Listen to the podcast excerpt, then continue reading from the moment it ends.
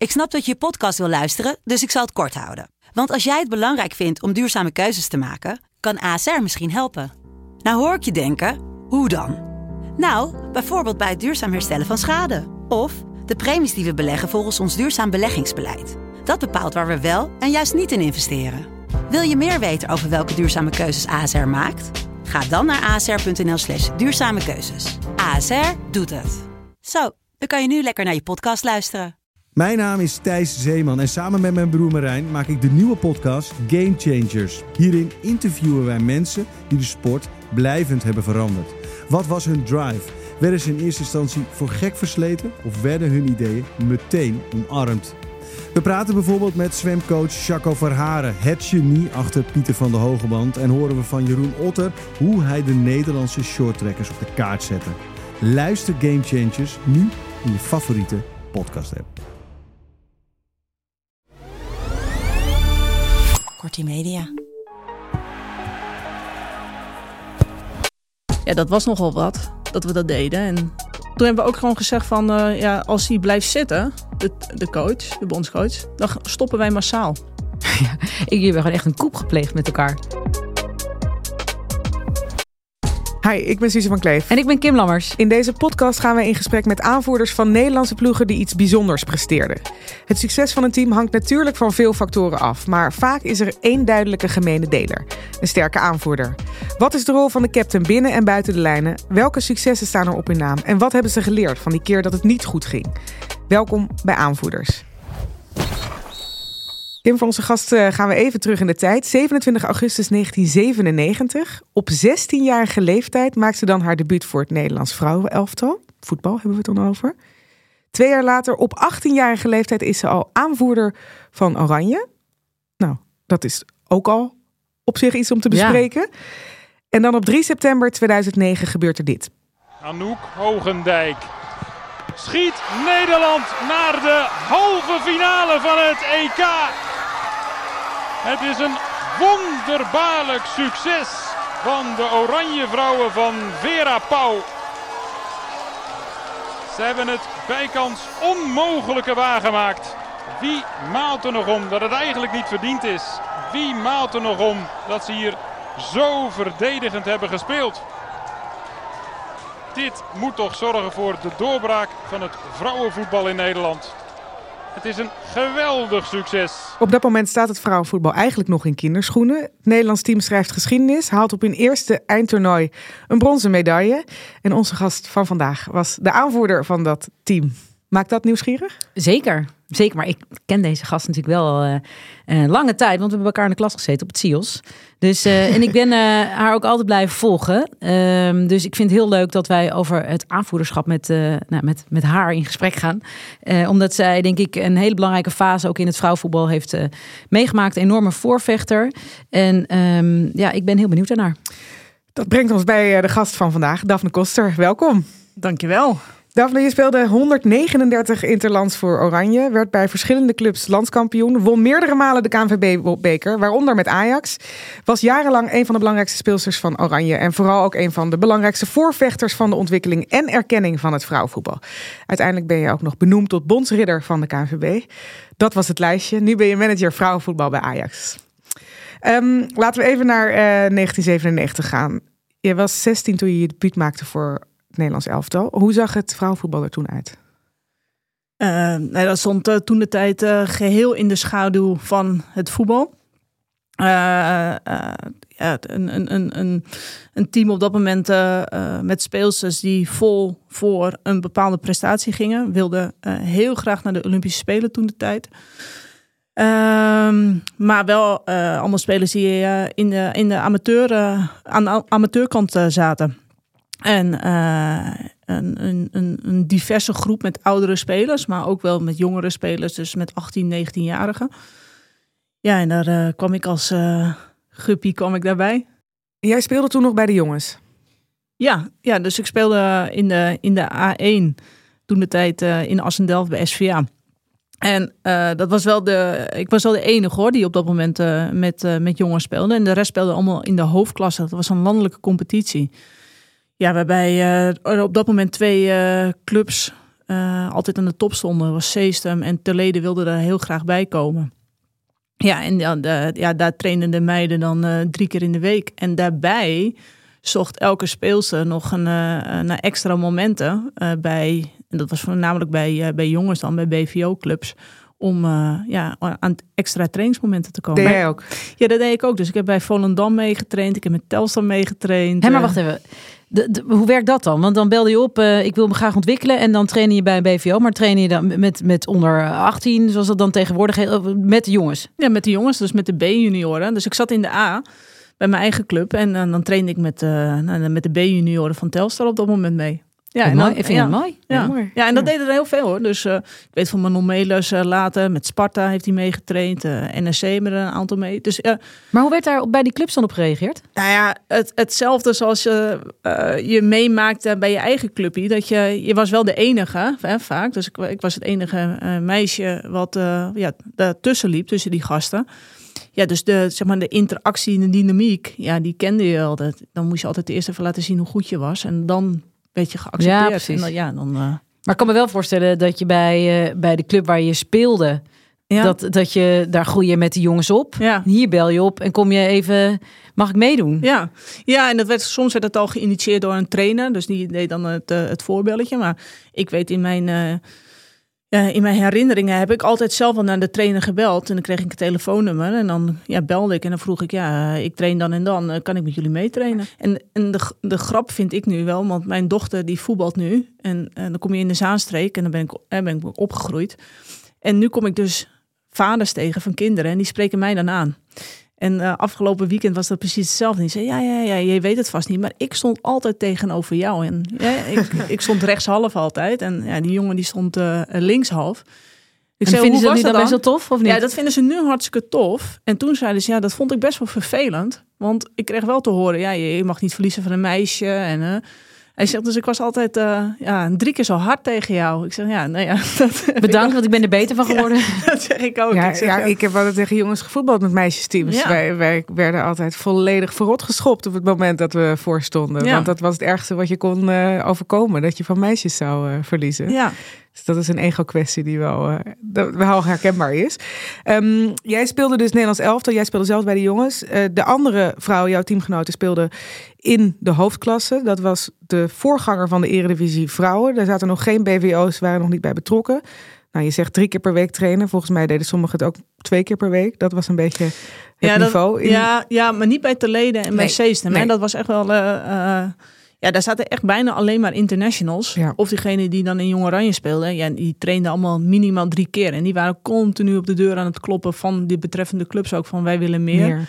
Maar ook naar het Nederlands elftal toe. Want op dat moment was eigenlijk de KNVB de enige die echt verantwoordelijkheid nam voor het opleiden van. Dat, ja, dat elke keer die speelsters maar op de deur zaten te kloppen van wij willen meer. Wij Hallo, willen meer weer. trainen. Ja. Jij eh, werd op je achttiende aanvoerder van het Nederlands eh, elftal. Hoe kan dat? Ja, nou, hoe, hoe Wat gebeurde kan- er? Wat er gebeurde. Nou, ik, ik ben uiteindelijk ben ik gekozen door het team om, eh, om aanvoerder te, eh, te worden. Of tenminste, ze hebben mij toen de tijd gevraagd of ik, dat, eh, of ik die rol op me wilde nemen. Ja, en dat kwam voort ehm, uit het feit dat wij als eh, selectie zijn, wilden we meer. En de KNVB had toen de tijd eh Ruud Dokter. eh, hadden ze eh, zonder eh, eh, aan het team te vragen van hey, hoe zitten jullie erin? Eh, eh, verlengd met een aantal jaren. En hij zat er toen De al- bondscoach De bondscoach. Kreeg een contractverlenging, niet overlegd. niet gewoon- overlegd, helemaal niks. Maar ook niet je oor te luisteren leggen bij, ja, bij een aanvoerder. Of, en er speelde op dat moment van, van alles. En wij wilden meer, maar we, zaten ook, ja, we maakten eigenlijk geen ontwikkeling eh, door. Dus ja, dat was eigenlijk wel de druppel. Dat, eh, Wat speelde er? nou, in de zin dat je. we, we, spe- we speelden altijd voor, eh, voor de EK's en WK's eh, eh, kwalificatie. Maar we werden, waren altijd de eeuwige tweede. Dus altijd achter Duitsland, altijd achter Noorwegen. En de speelsters wilden heel graag. Maar de bond die wilde op dat moment ja, niet. Die wilde Maar wat wilden jullie? Meer trainen? meer trainen. Ja. Meer, gewoon eigenlijk meer faciliteiten, meer trainen. Nou, en, en een betere, beter kader hebben. Ehm, dus op dat moment werd er, eh, werd er verlengd. Ja, en dan waren wij als, eh, als, als groep zijn, dan waren we daar niet, eh, ja, niet van gediend. Het was eigenlijk gewoon de druppel van, ja, er wordt helemaal niet naar ons geluisterd. Jullie vonden de coach niet geschikt? Eh, ja, Nou, anders is het geen probleem. Nee, nee nou, op dat Nou, moment was het echt zo van ja, kijk, dan, dan blijf je, dan weet je gewoon weer dat je vier, vijf jaar eh, met dezelfde persoon zit. En ja, het was wel vooral ook met de oudere spelers, die hadden echt wel zoiets van ja, dat, er- ik, ik weet het nu wel, er, er, er moet wat anders ge- moeten gaan gebeuren. Dus nou, op, op dat moment ehm, eh, ja, kwamen de spelers bij elkaar en die zeiden van ja, dit moeten we niet over ons kant laten gaan, we moeten een statement maken. Maar wat, hoe ga je dat doen? Nou, toen eh, werd er een, eh, een, een spelerstraat werd er, eh, geformeerd. Ja, en dan kwam ik al als jonkie, eh, werd ik eh, naar voren geduwd. Of nou ja, ik kwam in ieder geval in die spelersraad te zitten. Ehm Wie was op dat moment aanvoerder? Serena. Serena Wiegman, ja.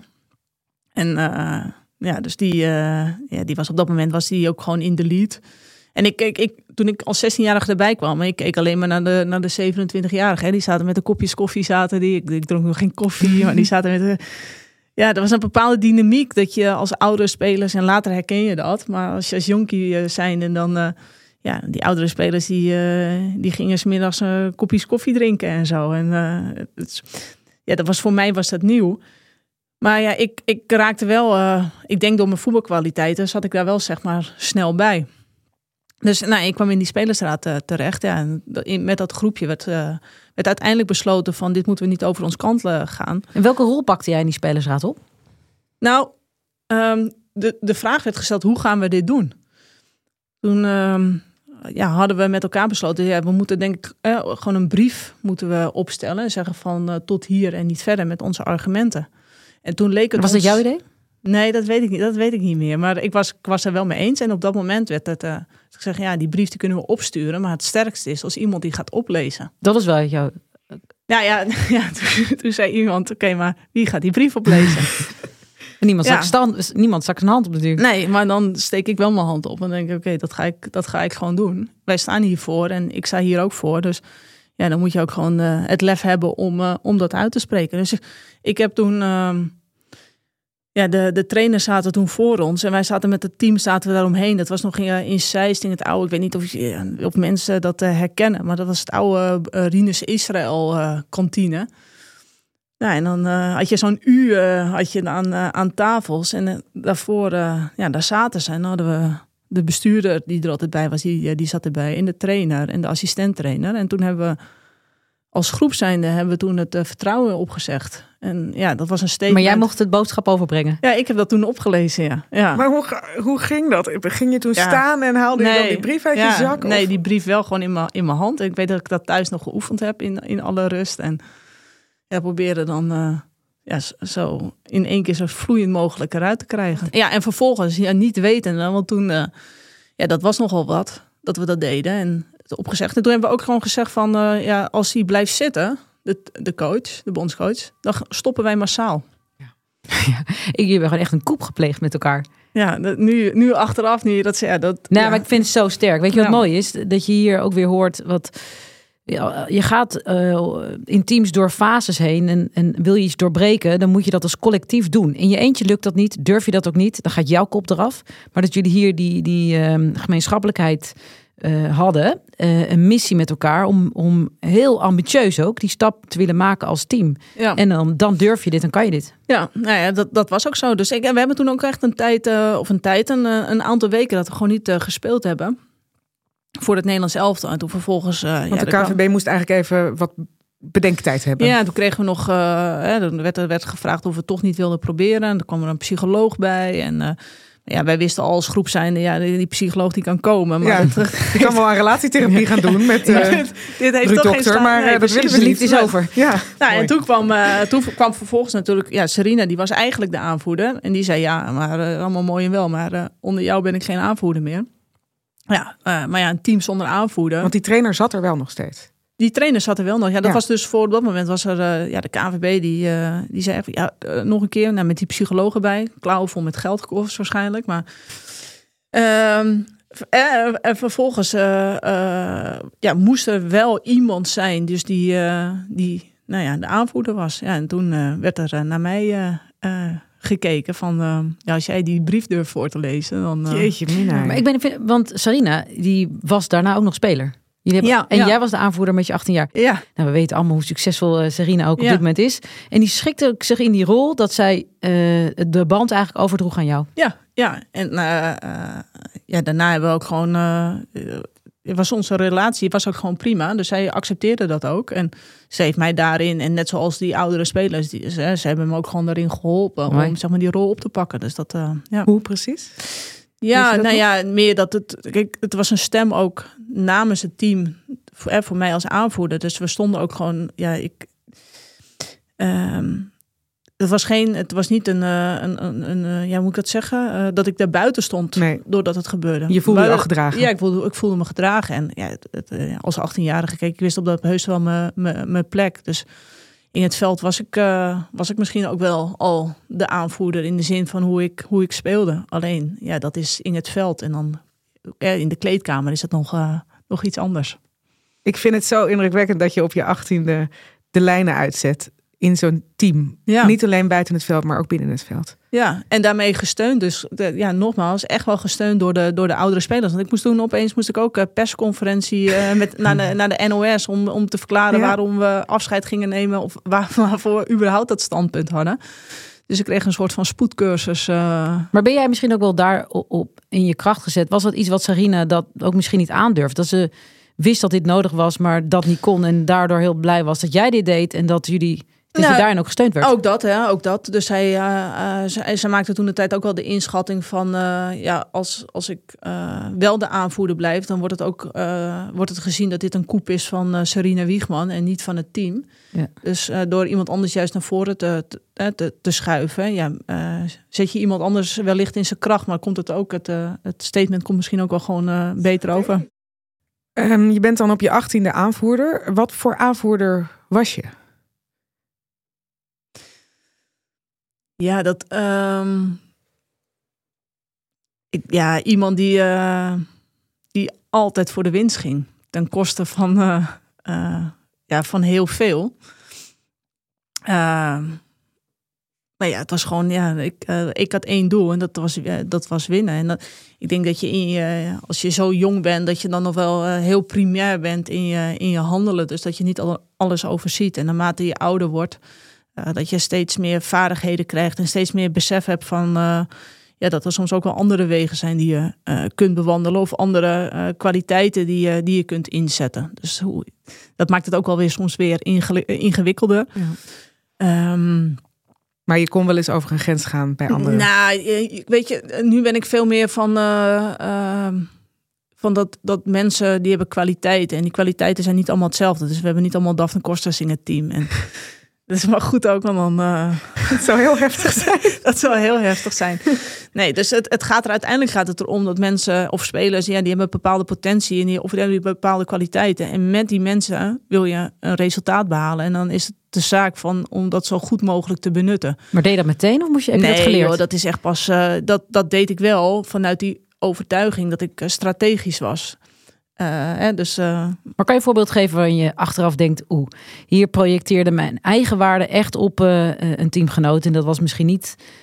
Nou ja, ik kon daarin wel echt heel hard zijn. Als je niet je best deed of eh, je was niet goed genoeg, ja, dan ging je maar aan de kant en wegwezen. Samen met journalist Iris Koppen schreef je een boek, Nooit meer buitenspel. Mooie titel. Eh, je schrijft erin dat sommige spelers jou ook cool eh, noemden. Ja, Begrijp je dat?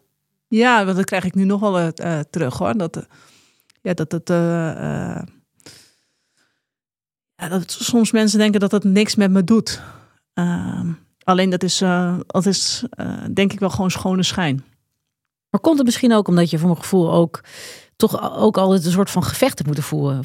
Dat het heel vaak ook gewoon een strijd is om gezien te worden... in de missie die je hebt om, om het vrouwvoetbal op de, op de kaart te zetten. Dat, dat, dat, dat het strijd, daar zit niet altijd iets...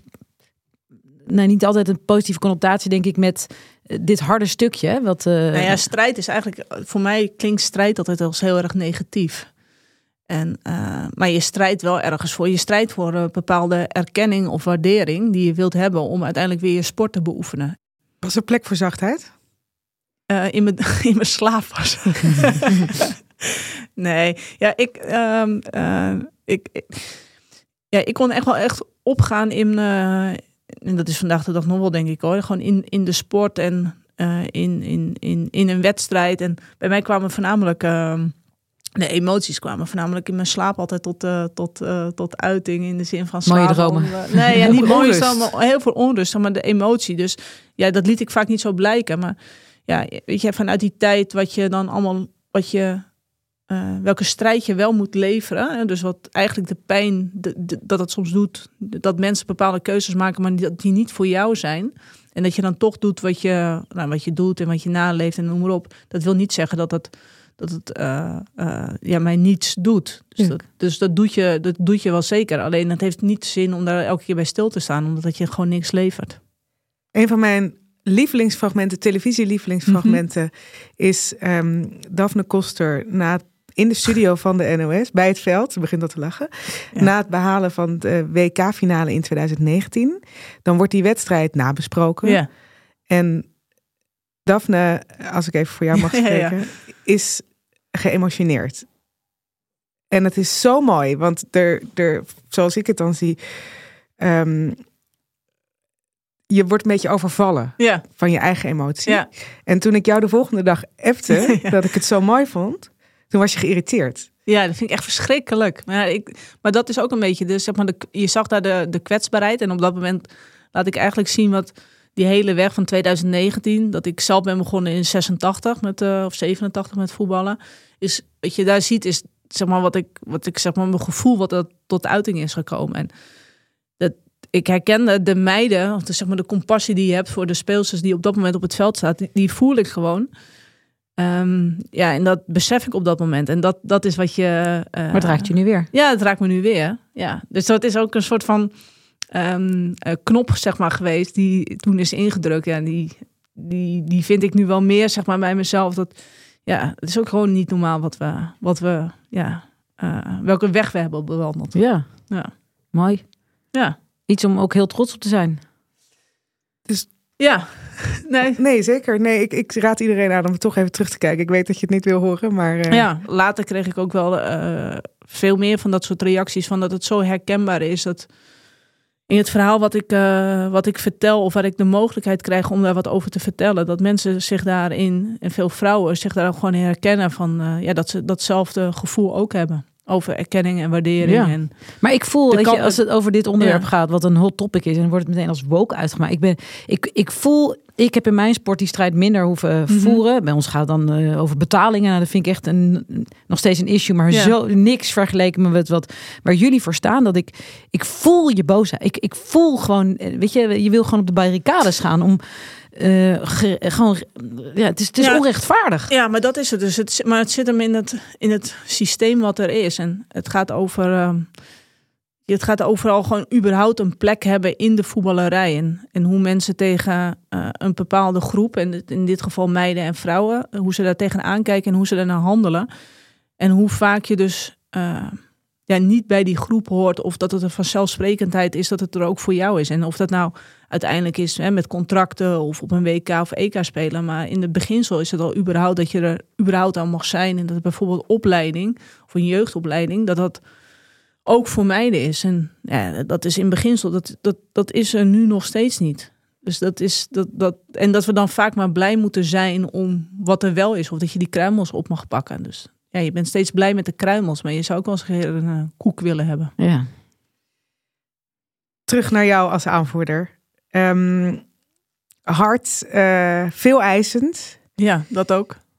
toch? Ja, Tenminste? veel eisend. Ja, veel eisend voor, me, voor mezelf, Ja. Voor mijn teamgenoten en voor, me, voor de staf.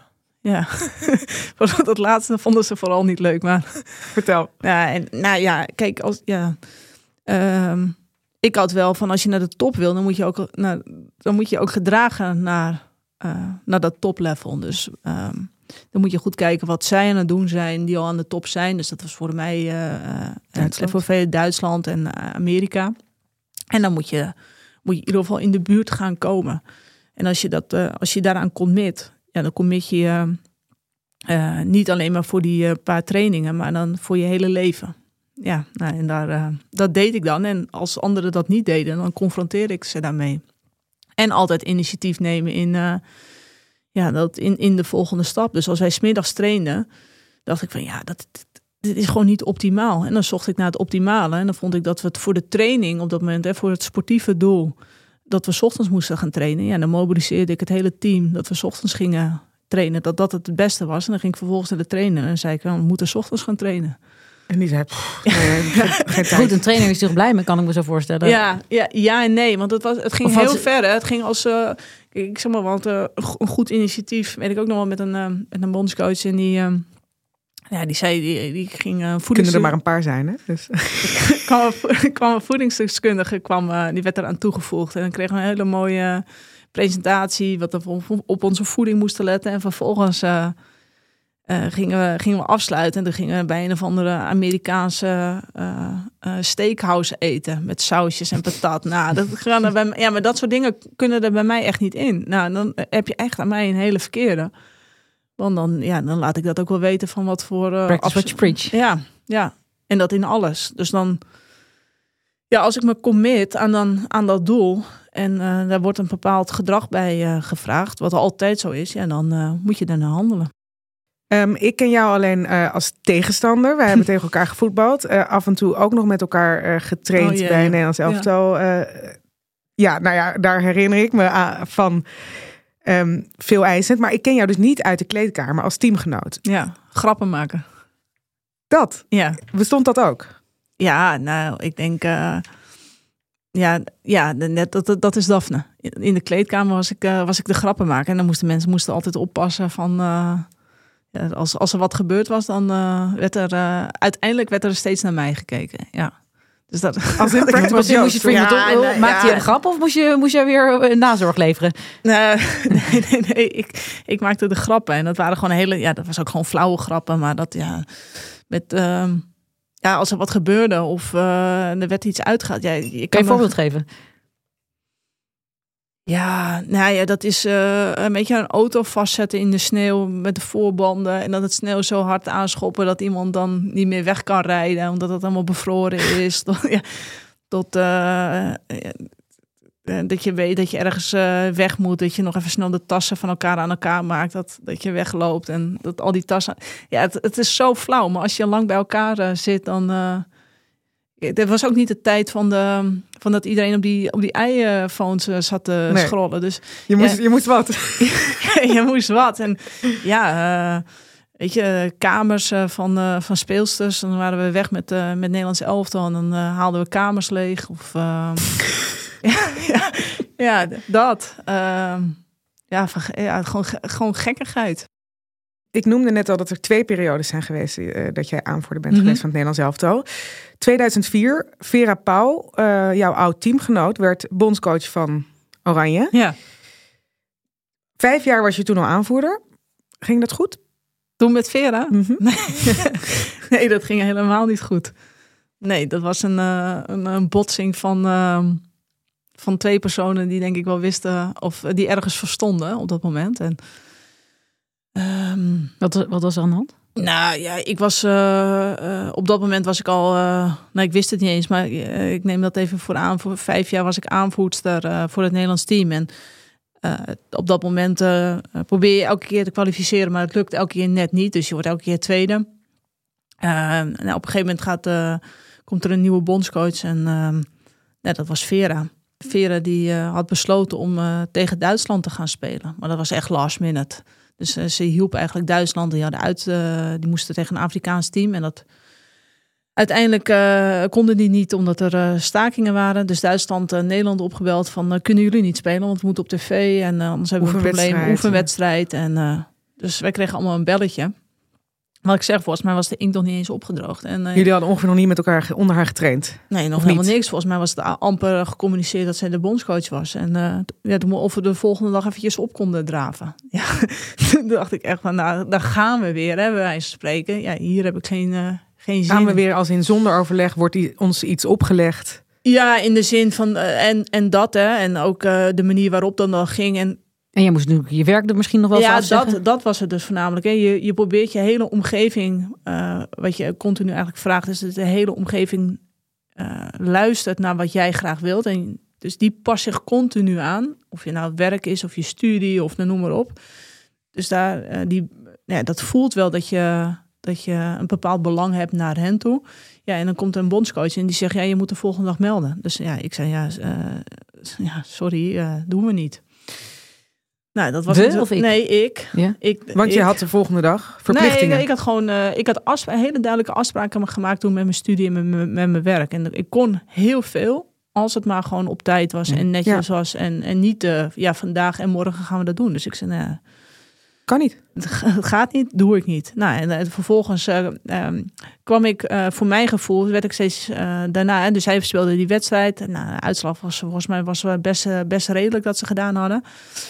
En wij trainen toen wekelijks, of om de week, in Zeist. En toen eh, zat ik elke keer bij die, eh, ja, zeg maar de B-selectie. Dus dat voel je Bij de reserves. Geen hesje kreeg je. Geen hesje. En, nou, eh, wel een hesje, Of wel een hesje, ja, sorry. Nee, ja, ja, en daar vond ik natuurlijk wat van. Dus, eh, Want daar maar, ja, niet. Maar dan hou ik ook gewoon, eh, dan doe ik ook gewoon wat ik moet doen. En dan zul je daar dus niks aan zien. Dus dan ben ik die, eh, waarschijnlijk die koude kikker gewoon. Dus dan wat me gevraagd wordt, doe ik dat. Maar ja, op een gegeven moment duurt het mij gewoon te lang. Dus toen ben ik een gesprek aangegaan. Ja. Maar zij verweet jou een gebrek aan inzet? Of Ja, dat, je, niet was gekomen? Ja, ja, en ik was eigenlijk al die jaren dus de kartrekker. Ja, dus ik, voelde eigenlijk dat zij... misplaatst. Ja, ik voelde op dat moment, en dat was mijn gevoel, dat zij niet erkende van wat ik al die jaren had gedaan. En dat ik zeg maar die kar had getrokken, in, voor mijn gevoel vaak in mijn eentje. Ja, en zij ging mij, zo voelde dat, op een plek zetten dat ik eventjes, eh, dat ik meer moest doen en dat ik er niet alles aan deed. En, eh, Ja. Kijk, en de grote les die we er denk ik uit hebben gehaald uiteindelijk, is dat Vera, die, die wist, oké, ja, Daphne is een speler die staat ergens voor. En als ze er ergens voor staat, dan houdt ze die rug ook recht. En dan gaat ze er ook voor en de woord is de woord. En dat had ik uiteindelijk bij Vera ook. Dus toen Ja. we bij elkaar kwamen, wisten we wel precies wat we eh, aan elkaar hadden. En Ja, want even terug, want je hebt, je hebt eerst je niet meer beschikbaar ja, gesteld. ja, ik heb gezegd, ja, als, je, als er eh, geen, eh, geen respect is voor wie ik ben, want dat, dat, volgens mij kwam dat woord, en, ik heb dat in het boek van mij heb ik dat ook wel beschreven. Ja, als er geen respect is, ja, dan wat heb ik hier dan te zoeken? Dan stel ik me voorlopig niet beschikbaar. Ik zeg niet, nooit, hè, niet nooit, nooit meer, maar eh, voorlopig niet. Maar voorlopig werd het iets van twee jaar. Ja, bijna drie jaar. My god, maar sorry, ben- Ja. ben je dan ook... Toch heel pijnlijk ook. Ja. Ik bedoel, dat is toch het, Ja. het hoogst haalbare. Mhm. Hetgene wat je het liefst Ja. doet. Ja, maar blijkbaar was dat ja, een positieve mindset. Of eh, ja, blijkbaar was dat er wel voor nodig. Ja. Om eh, voor mij te ervaren van wat het was om niet meer voor mijn land uit te komen. Om toch dat vanaf de zijkant mee te maken. Want ik speelde gewoon bij de leden. Dus ik was gretiger dan ooit om eh, kampioen te worden. En in die tijd werd ik ook als beste speelster van de, eh, van de competitie elke keer uitgeroepen. Maar ze Ehm, heeft niet in die tussentijd een keer gepolstijden nog Niks, nee, beide. Helemaal niks. Dus heel veel mensen vroegen aan mij, ja, jij moet toch in het Nederlands elftal spelen? Ik zeg, ja, maar dat is niet aan mij. Nou, en ja, ik weet dus niet hoe dat bij Vera is gegaan, maar ja, niet. En tot, tot het moment dus eh, dat de eredivisie begon in 2007. En dat was echt ook op het moment dat het laatste seizoen bij te leden. Toen dacht ik wel, oké, wa- welke kant gaat het op? Want eh, er zoveel tijd en energie erin in steken. Of misschien gewoon maatschappelijk aan de gang gaan. En ik gaf inmiddels gaf ik ook les. Ja, had ik het hartstikke naar mijn zin. En dat, dat, ja, dat vond ik leuk. En ik had er wel zoiets van, ja, we- hey, is dit het nou? Dus, en toen op een gegeven moment kreeg ik een gerucht van dat de Eredivisie eh, zou gaan starten. Waar Vera dus ook eh, de grondlegger van, eh, van is. Ja, toen kwam ik bij AZ er vervolgens te spelen. En dat was weer ook, dat was ook wel mooi. Omdat ik geen international was, kwam ik bij AZ te spelen. Dan mocht ik, ik mocht een club uitzoeken. En al die andere internationals, die, Die werden opgedeeld. werden opgedeeld. Dus weet je, soms denk ik ook, ja, moet, blijkbaar moet het soms ook gewoon zo zijn. Nou, en ik kom bij AZ te spelen. Ed Engelkers is daar de trainer, is de assistent van Vera. Ja, die ziet bij mij ja, wat ik doe in het team, eh, hoe ik me opstel. Dus die dacht waarschijnlijk van, ja, dit, dit kan gewoon niet. Ja, en eh, toen ja, is er een gesprek is er gekomen en ehm, ja. En wat heeft het je opgeleverd? Die, die break? Nou, wat ik eh, heel veel, omdat ik nu ehm, eh, zeg maar, ik, ik kan me verplaatsen in eh, hoe ga je met een grote speler om die eh, eh, veel heeft meegemaakt. En wat doet dat met een coach? En wat doet dat in een kleedkamer? En weet je, als je die, die persoon geen stem geeft of niet de erkenning geeft. ehm, of iemand niet, misschien wel klein houdt. wat dat gevoel kan opwekken bij een persoon. En nou ja, dan kan het dit dus kosten dat je drie jaar niet voor het Nederlands zelf uitkomt. En dat is hartstikke zonde. En ja, volgens mij zijn er tal van tussenwegen. Van, dat, als je dat op een andere manier had gedaan, of als, als de startsituatie anders was geweest. En daar heb je denk ik als coach heb je daar wel altijd een bepaalde rol in. Omdat jij de dominante bent in dat geheel. Uh, ja, kun je, dat, uh, kun je dat voor zijn. En aan de andere kant heeft een speler heeft er ook weer een bepaalde rol in, want die reageert daar weer op een bepaalde manier op. Dus uh, ja, en dat, dat, dat zijn wel lessen die, ja, die, die staan niet in de managementsboekjes, denk ik. Heb je spijt dat het zo lang geduurd heeft? nou, het is al zonde dat je bijna drie jaar niet ja. in het Nederlands team hebt gespeeld. En misschien waren we dan wel verder geweest op dat moment. Aan de andere kant. Zo'n grote invloed had je. Ja, want dat, dat blijkt misschien wel op het moment dat ik terugkwam in het Nederlands team. Dat je, ja, dat gaf Vera ook aan. Jij was gewoon echt de, de key, zeg maar, de key player op dat moment uh, die, we, ja, die we misten. Ja, als je dan daarna weet te plaatsen voor, voor het EK en ja, je speelt tot de halve finale, dan heb je een mooie bijdrage gehad. Ik denk niet dat je je autoriteit enorm hebt moeten bevechten in het team daar, hè? Dat heb ik niet zo. Uh, uh, nee, nee, je bent natuurlijk drie jaar daar afwezig geweest, maar iedereen speelde ook in de Nederlandse competitie en speelde ook met of tegen jou. Ja. Ja, nee, dus iedereen wist wel. En ik kreeg, ik heb bijna drie jaar lang vragen gehad: waarom? Waarom speel jij niet in het Nederlands ja. elftal? Nou ja, uh, omdat wij niet op één lijn zitten, nee. Vera en ik. Ik kan dus nu wel waarderen als ik dat zie met, met, met Vief, met Miedema is zo'n zo'n grote speler, kruisband uh, afgescheurd en dan erbij halen. Ja, ik voel, ik voel dat dus wel. Jij ziet wat Jonker doet. Daar. Ik zie wat Jonker doet, ja. ja. Die houdt zo'n speler erbij. Je kunt je afvragen dan, hè, in Engeland, ja, moet ze dan op de bank zitten als en een fitte speler echt uh, op de tribune. Maar ik begrijp wel dat je zo'n speler erbij houdt. En ja, met mijn zwangerschap toen de tijd uh, heb ik dat wel echt gemist. Dat ik echt aan mijn lot werd overgelaten. Ja, als ik uh, het was, ik denk, en dat gelukkig heeft Jonker waarschijnlijk die les uh, geleerd. En ik heb toen de tijd wel met, uh, met Jonker ook wel erover gehad. Over je, dat ze mij toen zo makkelijk aan de kant hebben geschoven. Zus ja. is de KNVB, De KNVB toen de tijd. Ja, dat... Want het was gewoon, je bent zwanger, dan nemen wij nu afscheid van je. Ja, ja dat, daar kwam het wel uh, op neer. En dat heeft mede te maken, denk ik wel, dat ze dat gedaan hebben. Kijk, ik was ook gewoon iemand die wel elke keer de vinger op de zere plek legde. Lastig hoor, die Daphne. Ja, lastig lastige vrouw. Ja, ja. Nee, maar dat, dat is natuurlijk wel. En dat, dat, uh, dat probeer ik dus nu ook gewoon mee te nemen. Ja, weet je, mensen die soms lastig zijn of tegenspraken hebben. Of, ja, daar kun je ook wel gewoon heel veel uithalen. Uh, 2007, even terug. Jij werd weer aanvoerder. jullie ultieme doel was in eerste instantie het bereiken van een eindtoernooi. Dat was nog nooit gebeurd. Laten we daar ook nog even bij stilstaan. Zo lang is het nog niet geleden. Jij was terug, het lukte. Ja. Hoe, is het, ja, hoe zijn Ten die koste van Spanje. Dus dat was 2008 speelden we, uh, moesten we een play-off wedstrijd spelen tegen Spanje. Dat kun je bijna nu ook al niet. Als je nu ziet waar Spanje staat ook. Um, Wacht even hoor, want 2007, jij komt terug met Vera, waarschijnlijk een aantal andere speelsters die daar Zat... een leidingachtige positie in het team hadden. Ja. En dan ga je toch bedenken, hoe, hoe komen wij nee, naar dat, EK 2009? Nee, nee, dat liep al. Ze, liep, okay. ze waren bezig met dat EK, met de EK-kwalificatie. Ja. Alleen dat liep niet zo smooth zoals uh, ze dachten. Um, en uh, het ging toen wel, wel niet, wel niet. En toen... Uh, nou, zag het er op een gegeven moment zag het er niet, niet al te rooskleurig uit. Toen ben ik teruggekomen. Dus toen kwam ik uh, met Vera en die haalde me terug. En toen kregen we het voor elkaar om tweede te worden in de pool achter Duitsland. En dat zorgde ervoor dat we een play-off wedstrijd speelden tegen Spanje. Voor het EK 2009. Ja, en die wonnen wij tegen Spanje. ja, en vervolgens gingen wij dus naar het EK toe. Ja. En toen? nee, maar ik, die, die paar maanden, hè, ja. wat, wat, wat is het? Wat, wat, is er toen gebeurd? In hoeverre zijn ja, jullie echt er naartoe gegroeid? Wat, wat was het proces? Ja, kijk, de, de relatie die ik op dat moment had met, uh, met Vera, of met het, vooral ook met Vera, is. Uh, zij wist wat ik aan haar had in een hele korte tijd en ik uh, aan haar. En ik was eigenlijk haar ogen in de kleedkamer. Um, Dus uh, ik wist wat zij belangrijk vond, uh, waarom we deden, wat de uitgangspunten waren.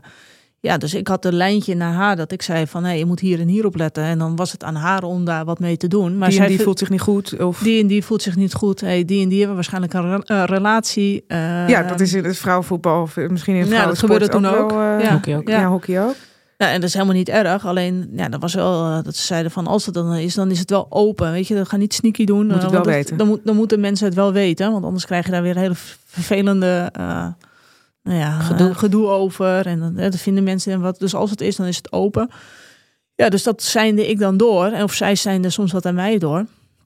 Uh, ik werd soms meegenomen in, uh, ja, in keuzes die dan al werden gemaakt. En die werden dan aan mij uitgelegd. Zodat, Selectie. Ja, ja, en dan, zodra we dan in de kleedkamer kwamen, kon ik dat dan verdedigen in de zin van, ja, dan had je dan, weet je, dan, dan heeft ze een bespreking gehad, houdt iedereen zijn mond dicht. En dan gaat iedereen naar de kleedkamer en heeft iedereen het hoogste woord. Ik vind dit. Ik vind zus, ik vind dat. En dat ik had altijd zoiets, ja, als je wat vindt, dan moet je hem gewoon, dan moet je het uitspreken. Uh, nou, dat, was, dat deed ik dus in de kleedkamer. En um, of ik wees mensen erop dat ze dat moesten doen, of ik stuurde ze naar uh, Vera toe. Dus dat was een heel kort, uh, kort lijntje. Ik ben wel nieuwsgierig, want het was van altijd tweede naar het bereiken van een halve finale. Ja. Ehm, wat, wat is, als je, da, als je daarop terugkijkt, wat is het belangrijkste onderdeel geweest of wat daar is gebeurd dat dat daar lukte? Wat, wat zat er in dat team dat het daar, ik bedoel, sport is altijd geloof, achteraf makkelijk. Geloof, geloof in dat we het konden. En vertrouwen. Dus, uh, en volgens mij ook heel erg geloof in de tactiek. Hè? Dus je had de juiste strategie. Ja. Met, met dat je nou ja, vol wat, naar je mogelijkheden ja, precies, precies dat. Dus uh, naar de potentie die we in dat team hadden. Dus naar de kwaliteiten die we, die we op dat moment hadden. Dat daar een, een tactiek uh, was. En dat pasten we toe. En, en, en konden jij en Vera elkaar daar ook heel sterk in vinden? Want jij was ook wel stratege op het veld, toch? Ja, ja ook. Dus ja, zij vertelde zeg maar die tactiek aan mij. En ik, ja, dan deed ik in het veld wat daar uh, goed voor was. Ook maar het eerste lijntje. Ik weet, we speelden toen uh, Finland. Um, en dus kwamen we achter te staan. En wij hadden zoiets van, ja, we moeten aanvallen, want we moeten nog een doelpunt maken. Maar ja, Vera die op een gegeven moment van, nee, stoppen tegenhouden. Bus Alleen maar tegenhouden, bus parkeren, mogen geen tegendoelpunt meer krijgen, maar we hoeven er ook geen één, één meer te maken. Dit is in de pool, toch? In de pool, ja. Ja. dacht ik echt van, dus je kunt dan op doelceldo nog door? Ja, en dus het hele, hele team van, nee, we moeten. Ik zei, nee, niks. En ja, dat was dan op dat moment, ja, was ik degene die dat dan bewaakte in het, in het veld. En daar volledig op, op vertrouwen dat dat, dat dat het juiste was. Ja, en dan hoor je achteraf wat, uh, wat zo'n uh, tactische set, uh, wat voor gevolg dat heeft. Ja. Ja. Niet de Nederlandse uh, school, zoals we dat uh, noemen. Daar uh, komt dan ook een beetje kritiek op. Dat ja. was ook een, natuurlijk een toernooi waar, waar er voor het eerst werd meegekeken. Waar de ja. televisiekijker op een gegeven moment ook naar kon kijken. Scheid aan. Ja, omdat het resultaat was op dat moment, wisten we met z'n allen dat is gewoon veel belangrijker dan dat we hartstikke mooi voetballen en er het was met die oefenwedstrijden hadden we dat ervoor hadden we speelden we tegen Duitsland gingen er geloof ik met 5-0 of 5-1 gingen we er vanaf met dat mooie Nederlandse voetbal. Dit moeten we even niet meer doen. nee, toen dachten nee, dit, dit is niet de weg. Toernooi zelf, jullie uh, halen dan uh, de kwartfinale. Ja. Dat is eigenlijk ongekend. Dan speel je tegen Frankrijk. Penalties. We hoorden, ja. het, net, uh, we hoorden het net al, de laatste beslissende. Aanvoerder neemt dan ook verantwoordelijkheid ja. vaak. Want er zit hoop spanning op. Ja. Ja, nou, ik was eigenlijk het zekerheidje van het, uh, van het team. Dat kan ik me voorstellen. Ja, en ook gezien de, de hele aanloopperiode. Ik had nog helemaal niks gemist in, uh, in mijn trainingen. Want we trainden er heel uh, hoe heet het, trouw op. Dus elke, na elke training namen we, namen we penalties. Ja, en dan neem je die, die penalty. Dan loop je dan naartoe en dan, dan, dan gebeurt er al wat anders dan dat je met al die training hebt gehad. Want dan voel je wel de, uh, de druk en die probeer je ook wel gelijk bij je weg te, te, te, ja, te denken. Van, uh, je, uh, denk aan je ademhaling, denk aan je aanloop. dus heel erg in het, in het nu. Maar ja, dan raak je die bal al. En ik, op het moment dat je die bal al raakt, weet je al, dit gaat, gaat mis. Ja, dan gaat het mis. Dus... Ehm, ja, daar word ik nu nog eh, heel vaak aan herinnerd. Ja, nou ja, omdat ik dat moment van Anouk uh, voorbij zie komen. Denk je, lieve mij. ja, ja, en dan krijg ik altijd van mijn vriend krijg ik er altijd uh, nog even ingevreven dat hij zegt, uh, ja, dat had jij ook kunnen zijn. ja, dat beslissende, ja. ja. Ja, dat had, ja. Ah, ja. dat was niet zo.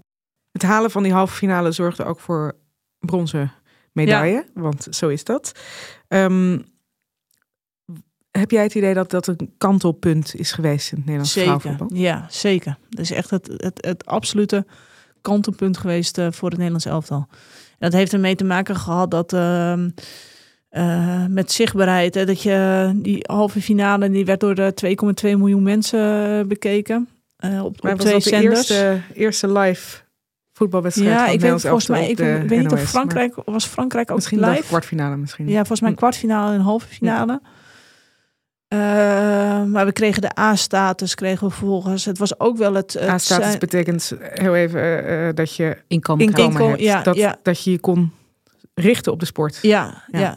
Ehm, dus dat, eh, dat betekende voor heel veel speelsters eh, eh, in Nederland eh, dat ze nou ja, van hun sport gewoon hun, hun werk konden maken. Dus andere keuzes konden maken. Ehm, nou, ik, eh, ik ging naar Amerika. Ik, ging dat, eh, in 2010 heb ik een jaar in Amerika gespeeld. was indirect ook een gevolg daarvan. Want ik kon geloof ik naar, ja, kon naar drie, vier Amerikaanse clubs eh, naar dat EK. Ehm, ja, en dat je dan. eh, het was ook wel het zijn, zeg maar, het argument weer naar de UEFA toe en FIFA toe. Dus dat je als land, als Nederland zijn, en dat, daar zat Vera veel meer achter. Van dat je er elke keer net niet. En wij wisten eigenlijk, als we er wel een keertje zijn, kunnen we ook laten zien dat, eh, ja, dat je er eigenlijk gewoon thuis hoort. En dat was. Dat lieten we gewoon zien. Dus ja, al die jaren net niet. Eigenlijk al via de play-off binnengekomen. En dan sta je er en dan kom je gewoon tot de halve finale. En ja, dat is denk ik wel ook wel een van de triggers geweest. Ehm, en dat is niet direct, maar ik denk dat het wel zeg maar, het argument voor eh, heel veel mensen eh, was van... Ja, we moeten die EK's en WK's moeten we echt gaan uitbreiden. Je moet echt landen de kans geven om aanwezig te zijn en zich te laten zien. Want dat zorgt ervoor dat er eh, ontwikkeling... ontwikkelt, ja, ja, dat de tuurlijk. sport ontwikkelt. Ja. En dat zie je dus nu nog steeds met de EK's, WK's. Als je ziet hoe groot dat nu is geworden. Met de Champions League voor vrouwen zit idem. En nu komt er een tweede eh, Europese competitie. Dus het is elke keer, die, sporten, die sport is zo hard in ontwikkeling. Is dat je elke keer dat maar, ja, je moet het ook wel elke keer oprekken. En als je het klein houdt, ja, dan blijft het ook klein. Dan hou je landen ook klein. Eh, er ging een eh, gymleraar naar het EK. Ja. En dan kwam een prof terug. Ja. Ja, ja. Ja, nu je dat zegt, ja, dat klopt, ja. Ja, ja mooi hè? Ja. In der tijd was er ook nog geen manager vrouwenvoetbal bij Ajax. Nee. Nee, ja, überhaupt, er was nog de, de- in, in, Geen vrouwentak. Er was niet eens een vrouwentak. Ehm, Nee, maar jou- Dus- ik bedoel meer jouw levensveranderend. Jouw baan bestond gewoon nog niet. nee, nee, dat, dat nee, nee. Maar, ja, dat, ja, maar dat is, ehm, ja, dat is een beetje, misschien is dat wel een klein beetje story of my life ook, eh, in de zin dat, ja, je, er- er- er was ook geen, eh, geen jeugdopleiding. Dus toen ik eh, speelster was en nog niet eens manager was, heb ik ook eh, een, eh, het zaadje geplant voor de jeugdopleiding voor meiden binnen Ajax. Dus het is altijd ja, kansen zien en dat ook durven initiëren. En daar het lef voor hebben en de moed voor hebben dat je die stap naar voren zet. En niet dat je, dat je blijft staan. Hele hoop veranderd. Daarna, in positieve zin, uiteraard. Maar uiteindelijk gaat het natuurlijk gewoon om winnen. Daar begonnen we ook mee. Ja. Wat mag een bronzen medaille in jouw geval kosten? Ehm, ja, wat, wat mag het kosten? Ja, het mag, eh, het mag heel veel kosten. Ik denk dat het uiteindelijk, of je nou weer brons, zilver, eh, goud of helemaal niks, dat een prestatie uiteindelijk nooit jezelf mag kosten. Dat je, dat je, er, eh, dat je er beschadigd uitkomt. Kim, heb jij iets van eh Daphne opgestoken? Zeker. Maar dat, ja, ik vind, ik schrijf die nu net op Drive, weet je. De, dus achter die, zeg maar, die, die, die, die, die missie, er zit zo'n diepe intrinsieke motivatie. En daar begon het al mee bij het opbellen van FC Volendam. Mag ik meekomen trainen? Ehm, nou ja, en ook hoe belangrijk eh, authenticiteit uiteindelijk ook is. Dat je dicht bij jezelf blijft. En dus, dus ook eh, nou, besluit om dan even niet voor Nederland zelf uit te komen. En daar denken denk ik ook heel veel mannen niet over na. Maar als, als vrouwelijke atleet en je wil een moeder worden... dat betekent dat je eh, er een jaar, anderhalf jaar, eh, misschien nog wel langer uit ligt. Volgens mij heb je zelf nog be- best wel lang doorgespeeld toen je zwanger was bij Ajax. Ehm, maar dat, je bent gewoon een gamechanger. En, en ik, ja, jij kan dingen in verandering brengen eh, met enorme impact. En dat vind ik fascinerend mooi. Ja, en, maar niet om, nou ja, dat- niet om verandering te brengen. Om, hè, dus maar je missie. Je- ja, het is je- gewoon, het is, ja. De sport, de, de, de, gewoon het, eh, de, de, de, nou ja, de, de, de, vrouwenvoetbal verdient gewoon een, een, een, een plek naast het eh, mannen. Ik vind ook al zo stom dat we over mannen in hockey praten. Niet over ma- mannen en vrouwen, weet je. Dus en dat gun ik eh, Ja. jou, Daphne. Dat het Dank gewoon je. over voetbal gaat. Eens. Ehm Daphne, we vragen ook altijd eventjes aan elke aanvoerder. Jij bent je hele leven aanvoerder geweest, ook een bijzondere situatie. Wie vind jij nu of recentelijk een goede aanvoerder? Mag elke sport zijn. Ik vind het wel heel erg mooi zoals ik nu zie eh, met Sarida Spitsen. Eh, die ken ik echt ook als, eh, als jonkie. Ook als Die kwam ook 16 op de 16e Die bij het Nederlands. 16 en toen was ik de ervaren rot. Oh ja. Ehm, dus ik zie haar ontwikkeling zie ik, heb ik van heel dichtbij meegemaakt en mag ik nu nog meemaken. En dan heb je nu ook de gesprekken, eh, zeg maar, door welke fase zij gaat. Eh, en eh, de worsteling die ze dan af en toe heeft. En dat je daar op een, op een bepaalde manier over kunt praten. omdat, omdat het heel, heel erg dicht ook bij mij ligt. Of wat ik heb, heb meegemaakt. Ja, dan vind ik het wel heel erg mooi om, om te zien hoe zij zich nu beweegt. En ja, hoe zij groeit nu weer in, in, in toch wel weer een stukje ja, in een nieuwe fase. Dus ehm, en hoe ze, dat, eh, hoe ze dat oppakt en hoe ze nou daarin steeds beter wordt. Zowel bij Ajax als Nederlands elftal. De ja, aanvoerder. De aanvoerder, ja. Ja. En de- zich steeds meer, omdat ze dus ook ehm, dat kan eh, vanuit haar kwaliteit en om wie ze is en om wat ze allemaal heeft meegemaakt, dat steeds meer gaat inzetten. Ook eh, niet alleen binnen het veld, maar ook in de kleedkamer en ook nu buiten het veld. Ja, absoluut. Dankjewel, Daphne. Graag voor, gedaan. deze, dit gesprek. Dit was Aanvoerders. Mijn naam is Suze van Kleef. Naast mij zit Kim Lammers. Deze podcast is te beluisteren op Apple Podcast en Spotify. Vergeet je niet te abonneren. Dan ben je op de hoogte als er een nieuwe aflevering online staat. Tips kunnen naar aanvoerders.kortimedia.nl. Dank voor het luisteren. Graag tot volgende week. Dan weer een nieuw verhaal van een aanvoerder.